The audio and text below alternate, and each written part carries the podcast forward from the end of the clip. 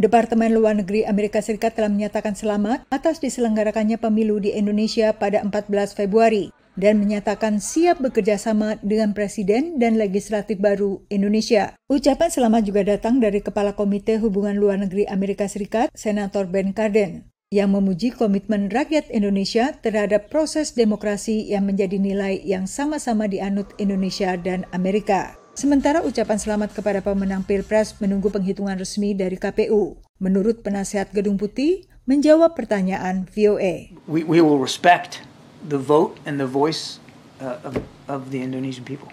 Proses rekapitulasi penghitungan suara KPU baru selesai paling lambat 20 Maret 2024, tetapi hasil hitung cepat alias quick count mengunggulkan capres nomor urut 2 Prabowo Subianto. Seperti juga di tanah air, banyak pihak di Amerika Serikat tadinya memperkirakan pemilihan umum di Indonesia bisa berlangsung dua putaran, dengan pemilihan putaran kedua pada Juni.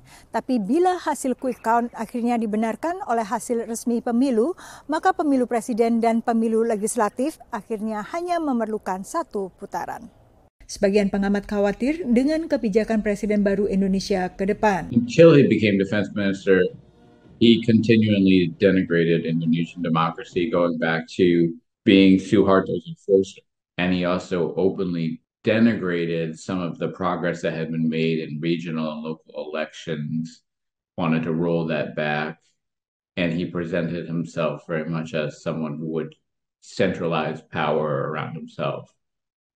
None of which is like a very good sign Tapi Alan Nairn, wartawan investigatif yang telah lama memantau perkembangan di Indonesia, tak terlalu terkejut dengan hasil pemilu.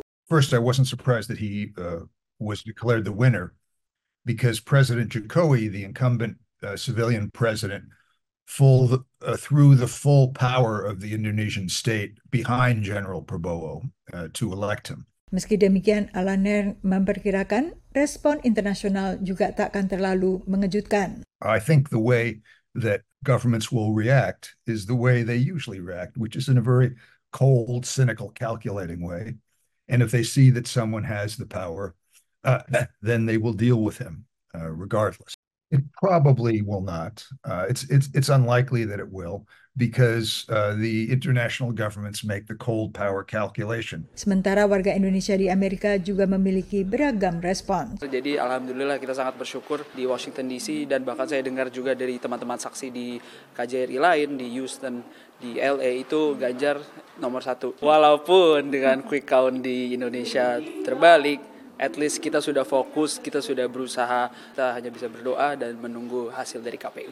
Jujur saya cukup kaget melihat hasilnya karena uh, sangat tinggi.